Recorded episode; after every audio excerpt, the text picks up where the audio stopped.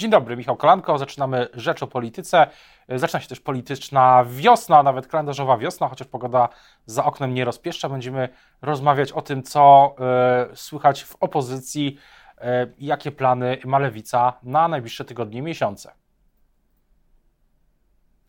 Dzień dobry Państwa i moim gościem jest dzisiaj Krzysztof Śmiszek, poseł na Sejm, współprzewodniczący e, Nowej Lewicy w województwie dolnośląskim i koordynator projektów Lewicy wokół praworządności i podsumowywania łamane przez rozliczania, rozliczanie czy, czy mm, podsumowywanie rządów e, Prawa i Sprawiedliwości. Dzień dobry. Dzień dobry panie redaktorze, dzień dobry państwu. I pytanie, pytanie na sam początek, właśnie tak jak mówiłem wcześniej, zaczęła się kalendarzowa wiosna. E, zwykle to jest nowy sezon polityczny też. Teraz oczywiście prekampania wyborcza już bardzo intensywna. Wszyscy w trasie, niedawno Lewica w województwie łódzkim, wiele miejscowości. Jak zawsze Platforma PSL, Polska 2050 e, też, e, też w trasie. No i pytanie jednak, no jaka jest ogólnie atmosfera dzisiaj no, w ramach tej sejmowej opozycji? Jak, jak pan to odbiera. Oczywiście z tym zastrzeżeniem, że biorąc, że, że Sejm spotyka się rzadko, ale mimo tego, no właśnie, co słychać w tych kuluarach? No, słusznie pan redaktor zauważył, przyszła wiosna, to dla mnie bardzo szczególna, e, szczególna pora roku, bo właśnie z, z wiosny się wywodzę, więc e, to jest dobry czas. To jest dobry czas, panie redaktorze, na. Yy, otrzepanie tego zimowego kurzu z, z garniturów e, i spojrzenie tak troszeczkę z dystansem na najbliższe kilka, e, kilka miesięcy. Po pierwsze, e, dobrze, że partie opozycyjne ruszyły w trasę. Lewica w takiej trasie jest już od dwóch lat, właściwie nieustannej i spotykamy się nie od wielkiego dzwonu i w świetle kamer z mieszkańcami miast małych i średnich, ale po prostu tam jesteśmy na co dzień. Sam w piątek uczestniczyłem w objeździe województwa łódzkiego, w czwartek województwa świętokrzyskiego. Wie pan, i to, jest, to są niezwykle istotne i ważne, choć codzienne nasze, nasze spotkania, bo wyborcy, przepraszam, politykowi lewicy nie zawsze jest tak łatwo spotkać się z mieszkańcami na przykład Jędrzejowa, którzy są, e, jak wiemy, mieszkają w województwie, które w dużej części głosuje na Prawo i Sprawiedliwość. Znacznie łatwiej jest mi funkcjonować, znaczy łatwiej, przyjemnie jest mi funkcjonować w województwie dolnośląskim, ale wie pan, jakby ja najbardziej cenię sobie takie rozmowy z mieszkańcami miast czy, czy miejscowości, które no, nie głosują gremialnie na moją, na moją partię, bo wtedy mam bardziej precyzyjny, e, precyzyjny obraz. No ale jakby wracając do pana, e, do pana pytania i do klu tego pytania. E, jesteśmy na 6-7 miesięcy przed wyborami. Dzisiaj już nie ma czasu na hamletyzowanie, dzisiaj już nie ma czasu na planowanie, dzisiaj już nie ma czasu na jakieś układanie strategii, bo te strategie po prostu już są. Oczywiście w polityce wszystko się już, wszystko się może wydarzyć. Mamy te wezwania do jednej listy, różne, na, różne okoliczności, naciski na, na, na budowanie tej jednej listy. Jak pan wie, lewica jest od samego początku otwarta na ten scenariusz i spokojnie namawiamy wszystkich partnerów e, na opozycji, żeby się spotkać i o tym e, porozmawiać, to już może trochę nawet za późno, tylko żeby podjąć e, decyzję. No nie, nie wszystko leży w rękach lewicy. Lewica się zgłasza do tego projektu i mówi: Jesteśmy gotowi. E, namawiamy także Szymona Hołownię i Władysława Kościniaka-Kamysza, żeby do tego, do, tego, do tego tanga dołączyli. No, jak będzie, zobaczymy. No, myślę sobie, że jeszcze niektórzy na opozycji kalkulują, jeszcze próbują przetrwać te parę tygodni, zobaczyć, czy sondaże wzrosną, czy spadną i pod to pewnie będą układali tak. swoje strategie. Wspomniał Pan o Szymonie Hołowni, no i też jest taka, e, taki sygnał ze strony właśnie Polski 2050, że, że w czerwcu, że do czerwca, do wakacji, tak samo też de facto mówi Platforma, że do wakacji to się ostatecznie mm, e, rozstrzygnie, ale dla Pana, dla Lewicy wariant bazowy to jest jedna lista, czy to jest start samodzielny w tej koalicji z Partią Razem, z Unią Pracy, z, z PPS-em? No, do czerwca to się musi rozwiązać, bo już po czerwcu nie będzie manewru i czasu na, na różne decyzje, więc to, to nie jest nic odkrywczego, jeśli ktoś mówi, że do czerwca e, wszystko się musi rozwiązać. To po pierwsze. Po drugie, sytuacja bazowa. No myśmy, my jako lewica bardzo konsekwentnie budujemy swoją, swoją bazę wyborczą, a także swoją tożsamość. Znaczy my dzisiaj jesteśmy w sytuacji dosyć, no powiedziałbym, e, optymalnej w tym sensie, że zebraliśmy wokół nowej lewicy wszystkie partie lewicowe, centrolewicowe, takie nawet bardzo, bardzo lewicujące. I mamy dzisiaj sytuację, w której jesteśmy już poukładani i mamy, mamy zasoby. I teraz te zasoby jesteśmy gotowi wnieść jako wiano do e, tej wspólnej listy. Więc jeśli panie redaktorze, pan mnie pyta, co będzie, to ja jestem w miarę spokojny, to znaczy nigdy w polityce nie można być spokojnym, ale jestem w miarę spokojny, jeśli chodzi o przygotowanie lewicy do startu, czy to na swojej zjednoczonej, na, na, na liście Zjednoczonej Lewicy, czy to na liście szerokiej y, opozycji. Dzisiaj tylko mówimy, bierzcie i korzystajcie z zasobów lewicy. Jeśli jest takie zapotrzebowanie, możemy to zrobić. Więc ja nie chcę tutaj ważyć, co będzie lepsze, co będzie gorsze.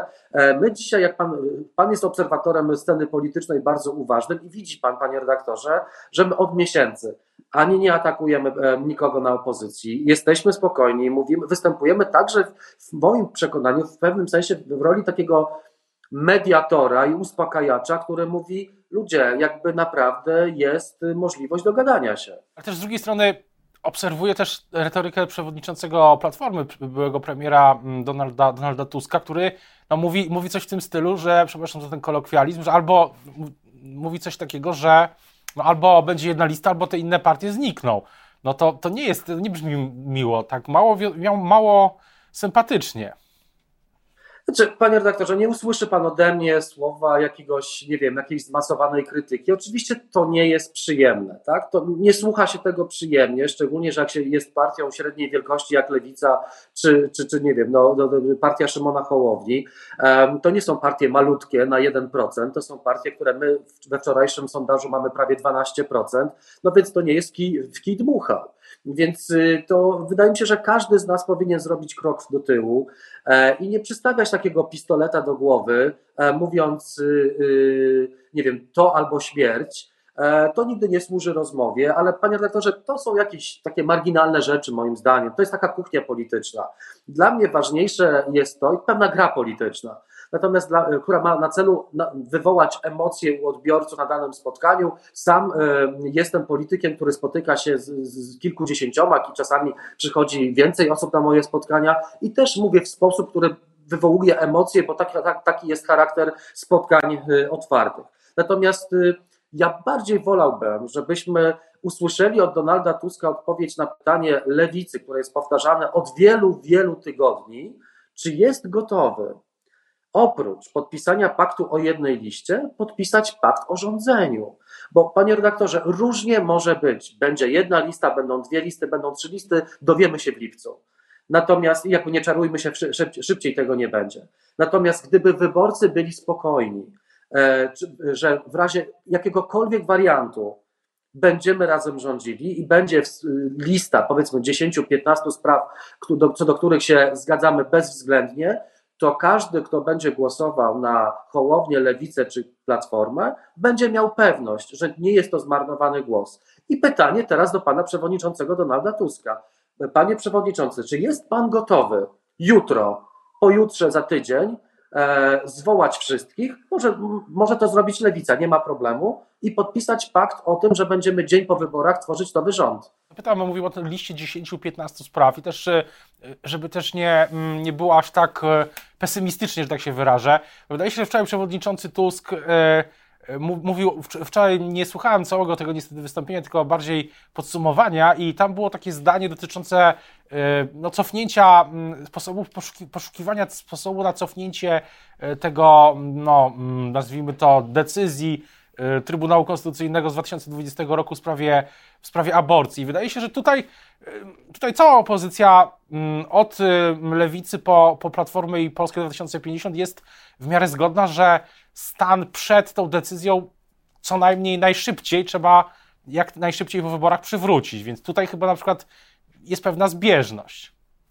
Nie no, tych zbieżności jest absolutnie więcej. No, jeśli ma, byłaby taka możliwość, ja dostrzegam jakąś, ale to jest naprawdę bardzo trudna e, możliwość obejścia przepisów ustawowych, tak aby, e, e, tak aby no, można było przerywać ciążę w sytuacjach sprzed wyroku, no to przecież każdy z nas się pod tym podpisze, ale przecież kwestia praworządności, kwestia ograniczania inflacji, kwestia naszej obecności w Unii Europejskiej, kwestia reformy sądownictwa i wymiaru sprawiedliwości, rozdzielenie prokuratora generalnego od ministra sprawiedliwości. Wszyscy się pod tym podpisujemy. Czego jeszcze więcej no Właśnie, ale prokurator... byśmy mogli zadeklarować wspólne, wspólne rządy? Jestem, jestem ciekaw. Prokurator generalny rozdzielona funkcja. No i pytanie jak pan to widzi, jak, jak, go, jak go wybrać, jaki jest sposób jego wybierania prokuratora generalnego? Na przykład PSL mówi czasami, żeby wybierać go w wyborach powszechnych. To jest trochę taki, y, oczywiście możemy o tym rozmawiać i te, to, to są technikalia, technikalia, które w pewnym sensie też dotykają e, kwintesencji demokracji. Natomiast y, y, w naszym przekonaniu możemy to zrobić tak, że możemy, to, możemy tego prokuratora wybierać e, większością sejmową, tak jak wybieramy Rzecznika Praw Obywatelskich, potem idzie to do akceptacji Senatu, tak aby prokurator generalny był przefiltrowany przez dwie izby i miał niezwykle silny mandat do wykonywania swojej niezależnej funkcji. Jeśli PSL będzie się upierał przy wyborach powszechnych, rozmawiajmy także i o tym. Tych, tych naprawdę tych sposobów na, na rozwiązywanie tych kwestii jest naprawdę dużo. Przecież Lewica złożyła kilka, kilkanaście projektów ustaw dotyczących wymiaru sprawiedliwości, PSL także, Platforma także. No jest z czego wybierać. Wyobraża pan sobie. Nad czym, nad czym y, dogadywać. Tak personalnie, może to daleko idące pytanie, ale jednak y, ludzie, nasi słuchacze, widzowie pewnie lubią taką trochę political fiction. A na przykład Adam Bodnar nadawałby się na y, ministra sprawiedliwości albo na prokuratora generalnego, profesor Bodnar. Wie pan, no Adam Bodnar udowodnił bardzo, e, e, bardzo mocno, nie tylko pełniąc funkcję Rzecznika Praw Obywatelskich, ale wcześniej także działając w organizacjach pozarządowych i ucząc kolejne pokolenia i roczniki e, studentów prawa, jak praworządność ma wyglądać. Więc dlaczego nie? Możemy, możemy rozmawiać o tego typu kandydaturach. Tylko, panie redaktorze, dzisiaj to jest naprawdę wtórna dys dyskusja, bo to wszystko pójdzie do kosza, te różne roz, roz, te, te rozmyślania, kto, kto mógłby, kto nie mógłby, gdyby, jeśli w sytuacji, kiedy się nie dogadamy i dalej będziemy no nie wiem, trzecią kadencję tkwić w ławach e, opozycyjnych. Dla mnie istotna jest jedna kwestia, i dla lewicy jest istotna jedna kwestia.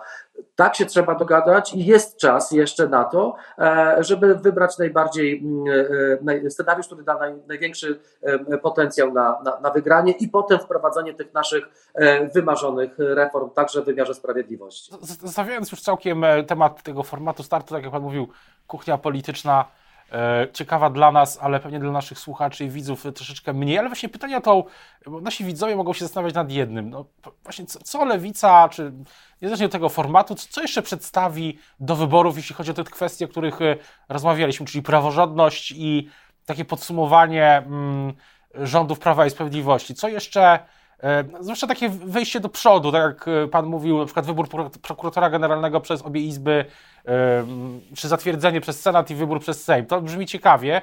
Co, co jeszcze? Myślę, że ludzie są głodni trochę takich propozycji. Co, co dalej? Bo otwierają Twitter, otwierają portale, otwierają, Twitter to może rzadziej, e, na szczęście, bo to jednak strata czasu, ale otwierają portale, słyszą wiadomości, czy, czy, czy raczej czy, czy, czy programy informacyjne, no i widzą dyskusję o jednej liście. Myślę, że ludzie są głodni takich rozwiązań. Co dalej? Więc pytanie, co dalej, co, co Lewica w jakim zarysie przedstawi, no właśnie rozwiązania co do praworządności, co do um, sądownictwa, struktury też wymiaru sprawiedliwości i tak dalej. Zgadzam się z Panem absolutnie, że najbardziej fascynują się kwestią jednej listy czy startu w wyborach y, dziennikarze, publicyści i sami politycy, ale to w ogóle o tym nie jest polityka. Ja jeżdżąc po tych spotkaniach w piątek na przykład po południu byłem w dziewięciotysięcznym Wieruszowie, gdzie prawie 100 osób na sali pytało głównie o program, pytało o wymiar sprawiedliwości, ale Panie redaktorze, najbliższe tygodnie to będzie seria konwencji lewicy na temat gospodarki, bo przecież y, to jest kwestia najważniejsza dla Polaków jak ograniczyć inflację, jak zreformować system podatkowy, aby był on społecznie sprawiedliwy, progresywny, ale który nie będzie uderzał ani w klasę średnią, ani tym bardziej w najuboższych, jak zreformować politykę społeczną w Polsce. Będziemy także mówili o czymś, co jest w DNA lewicy. To już za kilka tygodni. Bardzo konkretne i nieideologiczne rozwiązania dotyczące świeckiego państwa. To są, to są kwestie, które e, przez najbliższe tygodnie będziemy co kilka tygodni, co dwa, trzy tygodnie pokazywali Polkom e, i Polakom. Na początku maja przyjeżdża do Polski e, prawie cała, cały, cały zespół, czy wszyscy parlamentarzyści, europosłowie lewicy z całej Europy. Z nimi będziemy rozmawiali, z Parlamentu Europejskiego, będziemy z nimi rozmawiali, jak jeszcze wzmocnić obecność takich państw jak Polska w Unii Europejskiej. Więc szykuje się maraton lewicowych wydarzeń, na których będziemy pokazywali, no też za wcześnie nie chcemy pokazać oczywiście, żeby konkurencja nam tutaj nie ukradła pewnych rzeczy, bo to akurat się zdarza w polityce, bo w polityce nie ma czegoś takiego jak prawa autorskie, więc y, e, będziemy co kilka tygodni pokazywali nasze rozwiązania i zachęcam wszystkich naszych widzów i słuchaczy do tego, żeby śledzić, bo to będą naprawdę programowe petardy. Na koniec jeszcze też wracając do tego systemu sprawiedliwości, systemu, systemu, bo tak jak Pan mówi, ja myślę, że ja tak też rozmawiając z ludźmi właśnie poza, poza naszą, naszą yy, poza Warszawą, tak, yy, czy, czy w komunikacji zbiorowej, czy, czy w innych miejscach, tak, ludzie, na przykład wiele osób narzeka na, i z Panem też pewnie o tym rozmawiają, na, na sądy, tak, na to, że wolno, wolno działają, no choćby ten proces y, Sebastiana Kościelnika, tak, no on przecież trwał 6 lat. 6 lat, no cóż za, nie ma lepszego przykładu no, tego, jak to nie działa. No i tak się zastanawiam, czy, czy gdyby Pan miał teraz e, wolną rękę, tak, jako mm, osoba decyzyjna, tak, e, w państwie, to co szybko można byłoby zrobić, żeby ten proces, e, żeby te procesy przyspieszyć?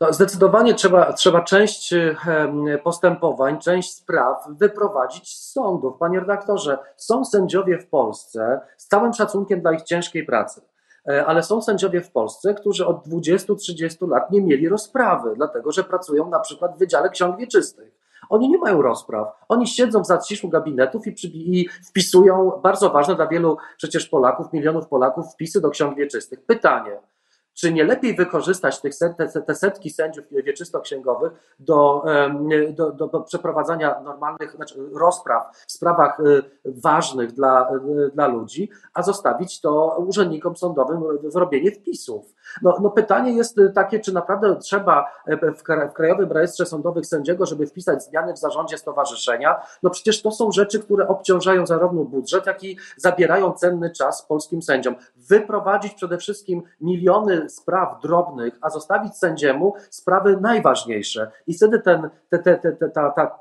te akta, które gromadzą się na, nie tylko już na biurkach, ale na podłogach e, gabinetów sędziowskich, będą w szybszym tempie znikać. To jest jeden z kilkudziesięciu pomysłów, które można było przez 8 lat wdrożyć, ale Prawo i Sprawiedliwość wolało rozwalać sądownictwo, prowadzić wojnę z Unią Europejską, łamać e, kręgosłupy polskim sędziom, czy prowadzić kampanie billboardowe hejterskie przeciwko sędziom, zamiast wziąć się do roboty i skrócić te postępowania i wyprowadzić miliony spraw z sądów. W tych propozycjach e, programowych e, e, opozycji będziemy i lewicy będziemy, będziemy je śledzić w przyszłości, zwłaszcza kwestie ważne, kwestie dotyczące, tak jak rozmawialiśmy, praworządności systemu sądownictwa, bo one dotykają każdego, jak pan zauważył, nawet kto, kto czeka na wpis do Księgi Wieczystej, czy na zmianę w mm, rejestrze mm, władcy swojego stowarzyszenia lokalnego, to wszystko się ze sobą wiąże. Teraz bardzo już dziękuję za rozmowę Państwa i moim gościem. Dzisiaj był Krzysztof Śmiszek, poseł Nowej Lewicy i współprzewodniczący Lewicy w województwie dolnośląskim. Dziękuję bardzo. Dziękuję bardzo, miłego dnia.